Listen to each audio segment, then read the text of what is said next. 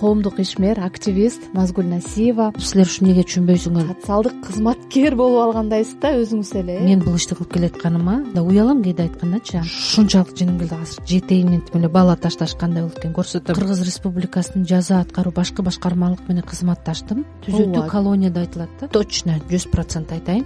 Аялдарга анан балдарга кордук көрсөткөн зөөкүрлөргө күн жок. Мурун чын эле тумоолой жетимдер болсо азыр тирүүлүү жетимдер көбөйүп кетти жаныбек жанузак байкеби бир күнү ал киши мындай жашоодон тоюп калды. Мени карылар үйүнө алып барып тапшырып сал деди соц тармакта кайсы жерде күйөөм болсо черный списокко киргизип таштагам. Анан ачык тайм подкасты. Ачык тайм подкасты. Саламатсызбы урматтуу азаттык угарманы биздин ачык тайм деген подкастыбыздын бул жолку коногу коомдук ишмер активист назгүл насиева назгүл айым кош келдиңиз. Акыркы мезгилде мен сизге аябай мындай таң калып анан кандайдыр бир деңгээлде социалдык кызматкер болуп алгандайсыз да өзүңүз эле э ыктыярдуу түрдө эмне себептен мынтип атасыз. Эмне зарылчылыгы бар сизге? Ошону айтпайсызбы саламатсызбы? Биринчиден бул деген ар бир адамдын жан дүйнөсүндө ушундай кайрымдуулук мээрим болуш керек деп ойлойм. Экинчиден мен ойлойм бул деген мен үчүн миссия болуп өзүмчө ушундай иштерди жасабасам кыйналам ушундай иштерге бир где то бир эки айдай ушундай токтоп калса ооруп калышым да мүмкүн да. Мен мындан ырахат алам.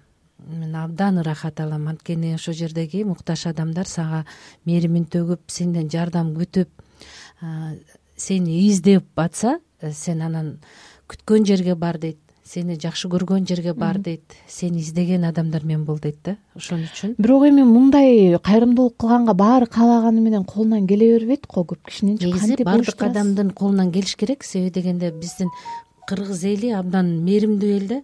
Анан кийин э, жардам дегенде сөзсүз эле сенин акчаң болуш керек эмес э, бизнесиң болуш керек эмес сөзсүз эле сен меценат болушуң керек эмес да. Жөн гана адам менен сүйлөшө билишиң керек ошол колунда бар адамдар менен сүйлөшүп э, чакырып кээ бирөөлөр издеп жардам берейин деп таппай калгандар болот. Анан э, ошолорго жол көрсөтүп эле мындай ишти баардык адам жасаса болот да. Бирок адамдар бир эки жолу жасап коет бүттү ошондон кайрымдуулук кылдым деп токтоп калышат да. А негизи бул токтобош керек адамдын канча өмүр сүрөсүң ошол өмүрдө Э, жакшылыкты арнай бериш керек да. Мен мен бул ишти кылып келатканыма иш десем да уялам кээде айткандачы анткени эмнеге уяласыз биздин жасаган э, негизги ишибиз башка да. Бул жөн гана э, адатка айланган эле бир эме кайрымдуулук хобби издеген ой хобби да эмес. Мен такыр айта ушул суроого жооп бере албайт экенм анан айтсаңыз назгүл айым мисалы сиз э, үй бүлөдө кандай колдошобу эмне кылышат? Сындашабы сиздин бул кылып атканыңыздычы себеби мен билгенден сиз үйүңүзгө да алып барып аласыз го. Ооба. Башында туура эмес түшүнгөндөр болду. Үйдөгүлөр деле балдарым кичинерээк болуп ыйлаган күндөр болду. Почему сиз деген эмне себептен сиз тигилерге аябай көп подароктарды бересиз а бизге анча көп бербейсиз депчи анан негизи балдарыма э, ашыкча белек бербеймин. Балдарыма да айтам да сенин гардеробуңда э, сага керектүү эле нерсе болсун ашыкчасы бул уже ашыкча болот андан көрө ошо кыйналып аткандарга берелик деп анан чогуу жетелеп жүрүп э, алып барып жүрүп кээде аларга капа болуп силер ушу эмнеге түшүнбөйсүңөр деп кээде мен күйөөмө ажырашам деген да күндөр болгон да. Анан кийин соц тармак мында фейсбук одноклассник инстаграм твиттер ушулар көбөйгөндөн кийин жолдошум да ушул жака э, соц тармакка катталгандан кийин э, түшүнүп баштады да. Кайрымдуулукту көбүрөөк жасаш керек турбайбы депчи. Ал жактагы сизге болгон колдоону көрүштүбү же колдоону көрдү. А бирок жолдошум россияга кеткенде иштеп мен деген үй бүлөм үчүн акча жөнөтүп атам сенин кайрымдуулугуң үчүн эмес деген моменттер болгондо соц тармактан бүт блокировать этип таштагам бир жума такыр сүйлөшпөй койгом whatsappтан дагы инстаграм фейсбук бүт соц тармакта кайсы жерде күйөөм болсо черный списокко киргизип таштагам анан ушунча жыл жашап анан койкто бир эме үчүн таарынасың деп ортого кызымды салып атып баламды салып атып анан мени менен жарашып. Анан экинчи ушу неме кылбай калды да билбейм мен үчүн ушу кайрымдуулук ишке мисалы мен кээ бир адамга жардам сурап кайрылганда ошол адам мени туура эмес түшүнсө мен аябай капа болом да такыр эле капа болом. Кээ бир мени менен кандос болом подруга болом дос болом деген адамдар ушу кайрымдуулук иштери менен кетип калгандар да бар. То есть э, муну менен сүйлөшсөң только ушундайга чакырат экендейби же эме алыстап кеткендер да бар. Ошол эң жакын досторум кээде колдобой койгондору да бар. А кээ бирөө кошо мени менен ыйлап кошо э, жүргөндөр бар да. Сиз эми ушул кайрымдуулуктун артынан аябай көп тагдырларды көрүп атасыз абдан көп көрүп атам. Ыйлаган күндөр болот. Эмне мисалы зээниңизде аябай кейитип мына жакында эле бир баланын окуясы болду э сүйлөбөгөн жанагы кулагы укпаган анан сүйлөгөн баланы түнкү саат үч төрттөрдө милиционерлер көчөдөн таап алып атпайбы ал баланын жашы да белгисиз аты да жок. Сүйлөбөйт ачка кир жүдөгөн помойка самойкаларды жегенби иши ушунчалык э, жүдөө моментте таап анан балдар үйүнө тапшырышкан. Ал жерде төрт айдан ашык жүрүп калды. Аябай сулуу бала да биз деген концерт менен келебиз белектерди алып келебиз баардык балдар чуркап келсе ал чуркабайт ал ушундай көзүнө муңайым турат. Анан ошол жердеги директорду ошол жерде воспитательдин баардыгын өөп кучактайт. Бизге ошону чужойлор келсе жолобойт да анан бир күнү өзүм мээрим тартып көрдүм. Анан директордон сурасам ушу тагдырын айтты. Бул баланы эч ким издебейт деди. Коюңузчу кантип эле издебесин бул баланы деле бирөө төрөп өстүргөн ушунча жашка жеткирген ата энеси же болбосо тууган уругу бар чыгар эл журттун арасында. Мага бериңиз деп алып кетип беш күн үйдө карадым. Келген эле күнү соц тармакка сүрөтү менен чыгардым ден соолугун текшерелик балким бул чоочуп калып кулак укпай калгандыр балким биз текшертсек сүйлөп калып өзүнүн ким экенин аты жөнүн айтар деп анан өзүм айдар деп эле ат коюп алдым атын деле билбейбиз да. Анан айдардын апасын издеп атабыз деп эле өзүм токуган атты чыгарып элечи. Ошентип э, больницаларга алып барып жүрөбүз э, соц тармакка күнүгө чыгып атат. Анан бир күнү эле инстаграмдан жанагы комментарийлердин арасынан түнкү саат үчтө бирөө жазып калды эме деп бул баланын апасын мен тааныйм. Бул баланын тышкарыда эки кызы бар. Анан мен мороженое сатам жалал абадта спутник микрорайонунда ошол жерге келип мороженое алып берген апасы аябай жакшы аял деп жазды. Бүттү ошо менен эле мен жалал абад увдга чыктым. Спутник микрорайон милиционерлерине чыктык. Э, алар жарым саат убакыт берип жарым саатта таапты апасын. И мен айттым милиционерге участковыйга сиз мага бишкекке алып келесиз мен сизге жол киреңизди төлөймүн туда обратно апасын алып келип бериңиз дедим. Апасын алып келатканда мен түнү менен уктаган жокмун. Бир да көз ирмеген жокмун. Бала менин койнумда жатат. Мен аны бергиңиз келдиби же кандай болду жок мен аябай ачуум келди да ал баланы э, мен бербей койгонго укугум да жок э, өзүмдү кармап калганга да укугум жок. Мен болгону беш күнгө алгам да. И ошол бешинчи күнү апасы таап алып атат да. Анан койнумда жатат эме эле буттарын мага ашырып алган эме эле болтойгон апакай өтө сулуу бала да. Анан э, как раз ошол моментте биз уже жанагы медициналык академиядагы медцентр менен келишим түздүк жүз миңдик операцияны балага бекер жасап беришти да. То есть бир кулагы жасалды. Анан ушул операциянын алдында да анан апасына жолукканда мен кандай сүйлөшөмүн? деп ойлоп атам. Анан баланы психологиясына удар кетпесин деп эртеси күнү мен милиционерге чалдым каерге келдиңер десем мындай мындай жерге келдик деди. Видео звонок кылыңыздар э, мен бала менен апасын учураштырайын десем макул деп анан видео звонок кылганда айдар апасын көрүп такыр сүйлөшкүсү келбей койду да. Көздөрүн жумуп башка жакты карап кабыл албай койду мындайча айтканда анан мен баягы апасын көрсөм жүдөгөн аял да аябай жүдөгөн. Ушунчалык жиним келди. Азыр жетейин мынтип эле бала ташташ кандай болот экенин көрсөтөм аябай даярданып алдыңыз мен азыр ага ушу өмүр бою эсиңден кеткиз кылам го ушу баланы керек болсо энелик укуктан ажыратканга чейин барам мен сени азыр деп. Ошентип анан жеттик э, балдардын укугун коргоо жана ошондой бир эме бар уюм бар. Жок уюм эмес. Эмне? Деп коет эле кызмат. кызмат. Ошол жерге бардык э, барганда ал жерде уже комиссия каралып атыптыр э, энелик укуктан калтырабыз же алабыз деп. Анан э, айдарга жолуктурганда айдар мындай сууз эле учурашты. Анан кийин баягы дудуктун өзүнүн жесттери менен апасы айтып атат. Мен жаманмынбы мен сени урдумбу мен сени капа кылдымбы десе айдар жок жок деп атат. Мен жаманмынбы десе унчукпайт да.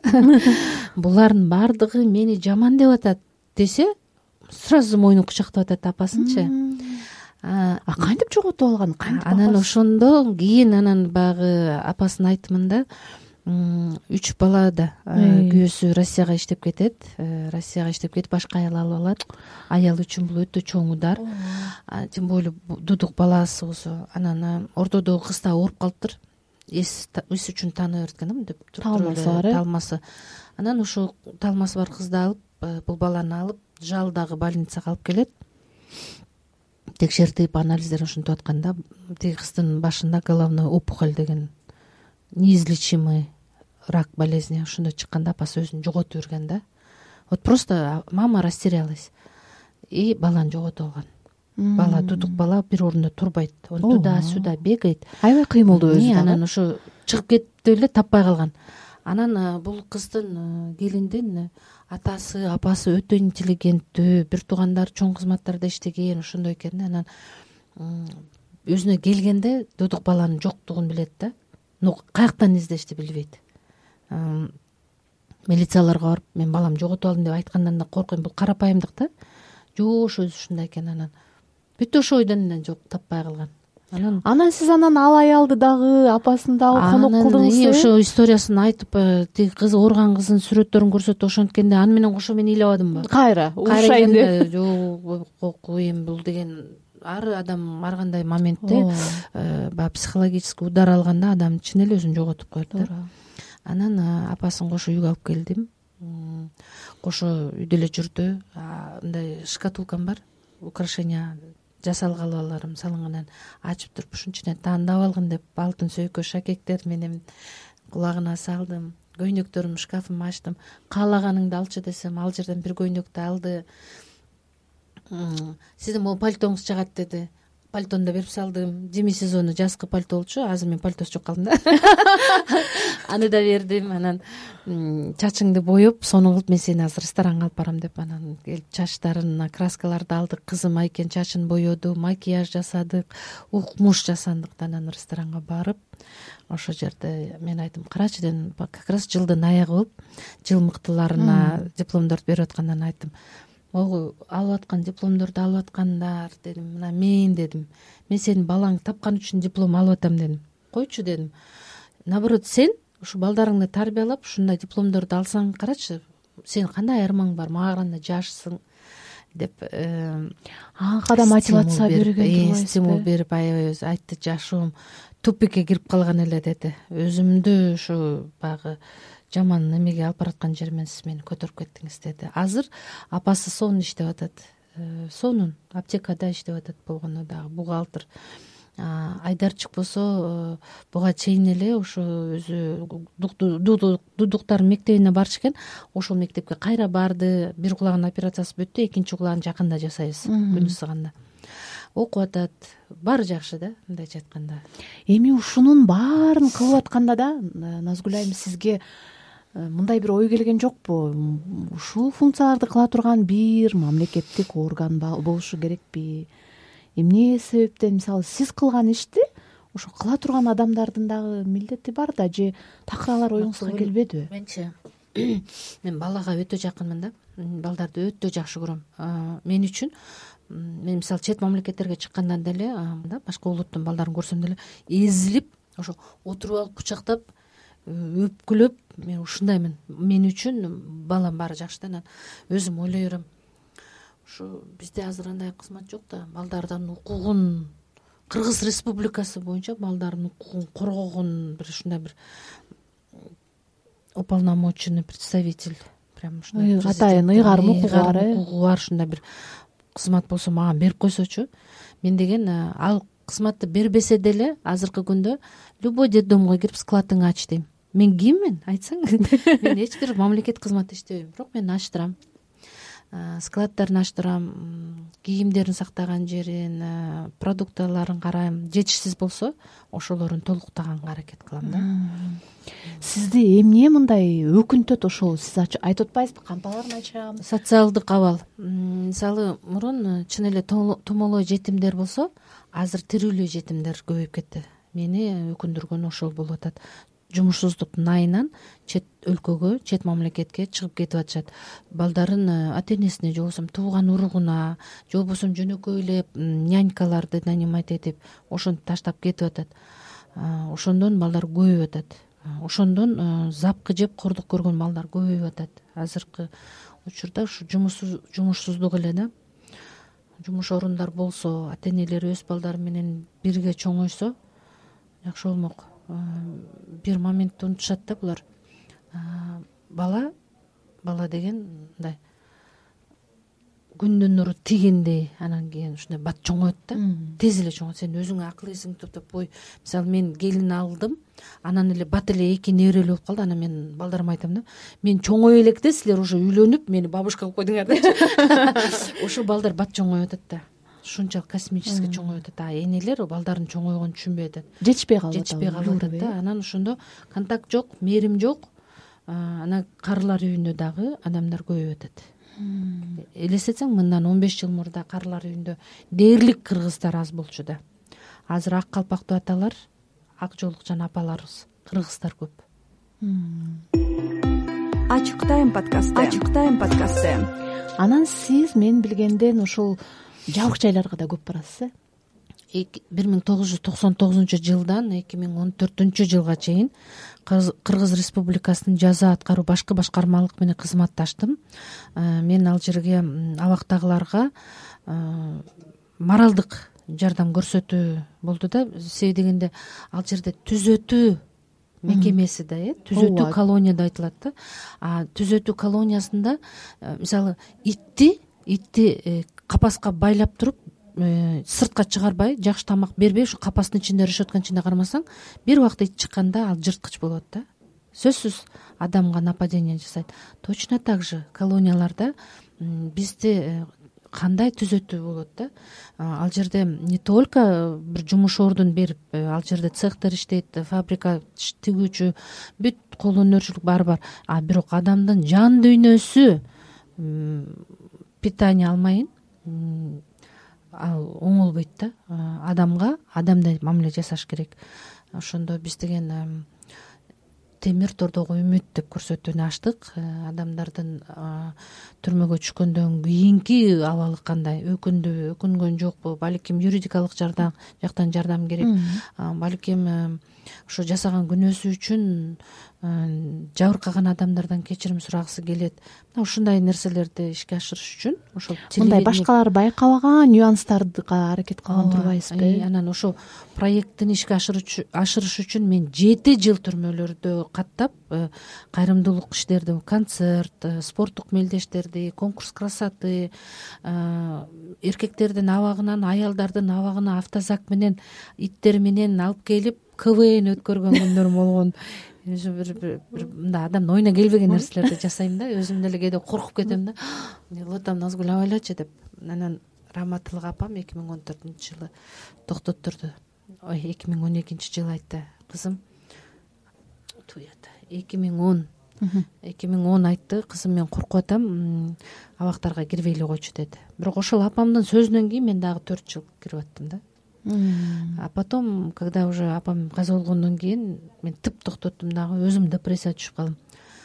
Өзүм түштүм апамдын сөзүн угайынчы депчи мен балким абактарга кирсем туура эмес бирдеке болуп калат да анан.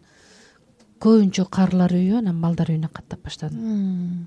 Сиз анан майыптыгы бар адамдарга дагы аябай көп жардам бересиз э азыр бүрсү күнү жетинчи март күнү кыргызстандын тарыхында биринчи жолу психоневрология бизче айтканда мындай психикалык жактан жабыркаган жарандарга конкурс өткөрүп атам ал жерде дагы үч жүз жыйырма больной оорулуу жатат бейтаптар бирок ошолордон дагы ата энелери отказ жазганда өмүр бою мамлекетке тапшырып койду. Мен бул баланы кызды бага албаймын деп тапшырып койгон. Алардын жашы он сегизден өйдө чоңдор. Жогору чоңдор.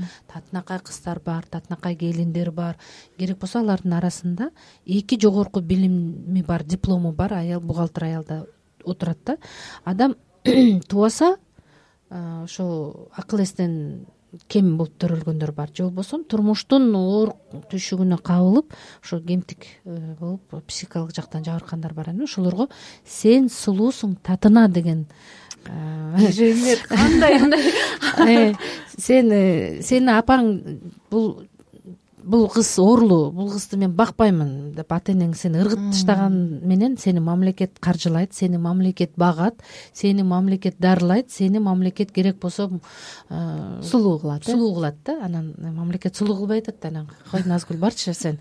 Анан бир кызык нерсе болуп атат да. Биз эми мектепте окуп жүргөндө деле а ну ка девушки там сулуулар конкурс да билесиңби кыздарды э, үй оокатына үйрөтүш үчүн пиязды тууратып там алма камыр жайып э? камыр жайып салат жасап алманын кабыгын арчытып картошка арчытып.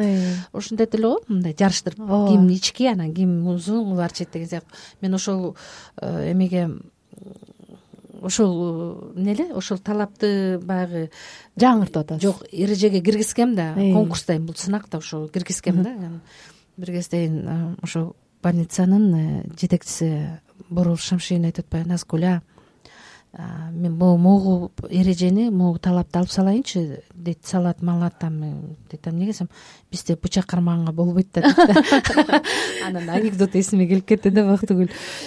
Бир э, ошо психикалык оорулуу э, өзүнүн дарыгери врачы келе атса бычак менен кууптур да тим эле кууп кетип атат дейт врач жүрөгү учуп калды ал любой моментте сайып коюшу мүмкүн анан качып качып качып этаждан этажга чыгып бешинчи этажга жетип анан коридордун тиягынан чуркаса тиги аябай кууп келе атат дейт катуу кууп келе атат дейт анан тупикке жеткен анан туруп калса эми сен мени куу деп бычакты врачка бергендей эле анан стереотип бар э баары бир. Конечно коркунуч бар мисалы мен э, башында ошол жерлерге барып жүргөндө билбей эле кызымды ээрчитип алгам айкенди. Анан э, айкенди ээрчитип ошо аралап жүрөбүз да сүйлөшүп антип жүрсөк эле арасынан бир больная больная девочка очень такая сильная күчтүү здоровая. Айкенди кучактап алып кое бербей койду да. Такыр кое бербейт да бул менин курчагым бул меники депчи. Мен ошондо жүрөгүм түшүп калды. Врачтар тим эле алдап конфеттерди бермечи сага конфет десе да болбойт жүр мен сага тиги өзүнүн жакшы көргөн бир нерсесин айтып атса да болбойт ошентип жарым саат менин кызым э, эмеге кармалып калды да мындай кучак жок заложен заложен барымтада барымтада калып калды.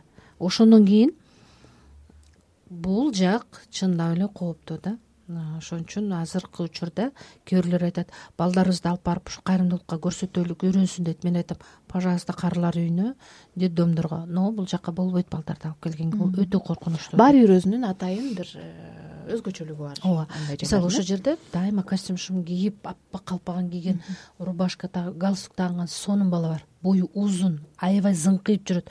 Мен ушу билгенден беш жылдан бери ушундай жүрөт да анан барганда учурашат кандайсыз жакшысызбы аянттай эл тынчпы эл тарадыбы эле дей берет да.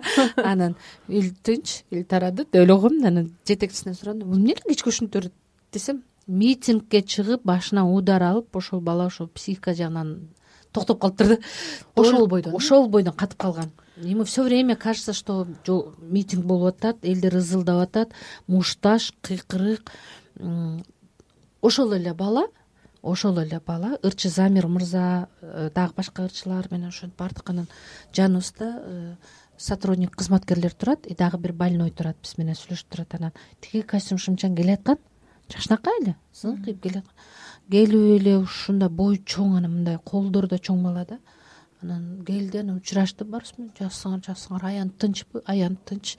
Дедик анан замир оозун ачып караганча болбой эле анан. Жанындагы күлө берди да тиги больнойчу. Ошо өзүнө окшогон эле больной күлө берди эле. Ушундай муштум менен моундай балта менен жер чапкандай тигинин төбөсүнө чапты да жатып калды. Анан эле мед браттар чуркап аны алып кетти. Экөөнү тең сүйрөп алып кетти да. То есть коркунуч бар. Любой моментте агрессия чыгышы мүмкүн сиз мисалы ушунун баарын кылып атасыз э анан мисалы сиз баары бир деле бир өкүнүч болсо керек э? Кандай өкүнүч? билбейм эми өзүңүз мисалы өзүңүзгө убакыт калбай калгандай өкүнүч жок. Жок. Жок. Таптакыр өкүнбөйсүзбү эч нерсеге жок. Кудайга шүгүр. Кудайга шүгүр. Өкүнгөнүм мисалы апам менин ушу акыркы жакшылыктарымды дагы көрсө болмок. Мен өкүнгөнүм эле ошол бир тууган агам каза болгон отуз беш жашында. Ошол мындай туруп туруп эле бөйрөгүнөн отказ берип каза болуп калды мен ошону сактай албайм ошол эле. Анан сиз мындан тышкары дагы чыгармачылык адамдарга дагы өзүңүз чыгармачыл болсоңуз дагы чыгармачылык адамдарга дагы колдоо көрсөтөсүз да? Каяктан аласыз мынча энергияны? Э, чыгармачыл адамдар жан дүйнөмдө менде да чыгармачылык бар да. Ооба ошо өзүм деле ырчы болом ырдаймын деп келгенде ушу тайкем түгөлбай казаков кыз бала ырчы болбой эле койсо жакшы болот назгүл. Ырчы болбой эле койчу деп мени башка окуу жайга жөнөтүп койгон да. Андан кийин уже турмушка чыккандан кийин жолдошум консерваторияда окуп атып мени кайра эле институт искусствого келип тапшырткан. Мен институт искусствого келгенде менеджер ушу именно уюштуруучу факультетинде окудум ырчылар деле ошол эле кайрымдуулук сыяктуу эле да жардам сурайт. Колуңан келсе жардам берип кой. Колуңан келбей жатса бир жөн. Көп ырчыларга жардам бердим. Талай элеси тобу например ошол группанын эң алгачкы клипине спонсор болуп ошол туулуп өскөн чаткал ала бугага чейин алып барып келгем гастролдо динара акулова э, райхан абдубалиева ортодон аида кулуева эрмек маматовдор чыккан. Менин эсимде сиз айтып бердиңиз эле жаныбек раматылык жаныбек жаныбек жанызак байкеби жакшы киши. Раматылык абдан жакшы киши. Бир күнү ал киши мындай жашоодон тоюп калды. Мен такыр жашагым келбей атат назгүл мени э, каарылар үйүнө алып барып тапшырып сал деди. Ушундай бир мүнөзү бар эле э, ыйлады. Кадимкидей эле анан мен айттым жүрүңүз сизди бир көңүлүңүздү көтөрүп келейинчи. Бизге эмне белек кылайын десем мага телефон алып бер деди. Ал компьютер телефон ушундай эмеге күчтүү эмес беле. Анан цумга келдик. Э, акырын цумда сатуучуга барып ымдадым кбд менен алып аткан а так кредитке алам дедим. Определенный сумманы төлөйм оформлять этесиз а тиги абышкага билгизбегиле деп анан келдик. Келип анан тандаңыз десем кайсы ойбой назгүл кайсыны тандайм кайсыны тандайм дейт өзүңүзгө жакканын алыңыз десем ой мен чоңураагын алгым келип атат дейт анан. Могу кымбат экен да дейт анан ала бериңиз. Чындап элеби дейт чындап эле. Алып эпем кичинекей бала да кудуңдап атат келип. Мен ошол кредитти анан кийин төлөдүм. Бир жылдан ашык төлөдүм да. Зато байке ошол телефону менен канча иштерди бүтүп тим эле бир баардыгын видео звонок кылып прямой эфир кылып талкалачусун талкалап ошентип анан эми жүрүңүз дордойго барабыз деп дордойго барып э, бутунан башына чейин кийим кылып бердим андан кийин керек болсо ич кийимдерине чейин жаңы сатып бердим. Анан ошондо айтып атпайбы мен ушул жашка келип дейт хотя убагында мен миллионер журналист болгом эң алгачкы миллиондук тапкан журналист мен болгом. Ошондо деле өзүмө ушундай жакшы кийим дейт да турецкий кымбат үч жарым миң сом коюп э, мындай эме кылып атат да. Бул кымбат мен муну албаймын деп ошентип атат да анан. Жок ала бериңиз сизге жактыбы десем кожа экен дейт анан алыңыз. Иши кылса ошентип анан байкени кийинттим кычыратып кийинттим эмгектик каарылар үйүнө дедим. Концерт уюштурдум. Бул бир күндүк эле нерсе эмес да бул бир он күндүн тегереги болуп атат да. Анан кийин каарылар үйүнө алып бардым барып анан өзү аралап кетти. Анан естественно ал барганда жакшы жагын аралатат да кызматкерлерчи.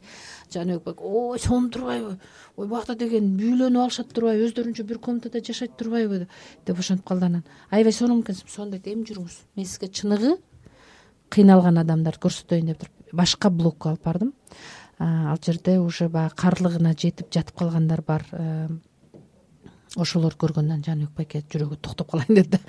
Койкой бале болсо дагы үй бүлөмдүн келинчегимин ошо суусасам суумду бере турган оорусам чачымды сылай турган кызым бар.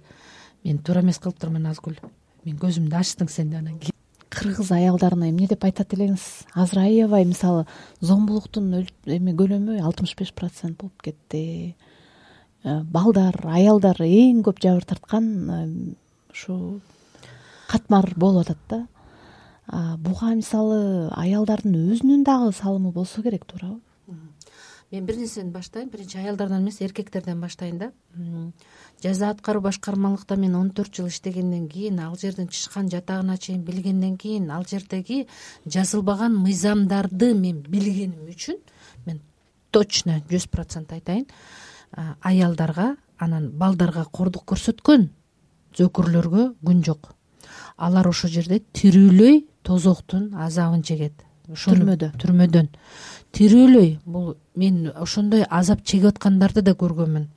Мен алардын көзүн да көргөнмүн. Сүйлөй албайт алар бизге сүйлөгөнгө акысы жок. Көздөрү ушундай лучше мени өлтүрүп койгулачы дегенге чейин баргандарды көргөнмүн. Ошон үчүн баардык эркектерге кулагына күмүш сырга аялга энеге кызга балага зоордук зомбулук көрсөткөн өзү тирүүлөй тозокко түшөт. Аялдар да бар балдарга кордук көрсөткөндөр. Аялдардын абагына түшкөндө ошол аялдарга күн жок.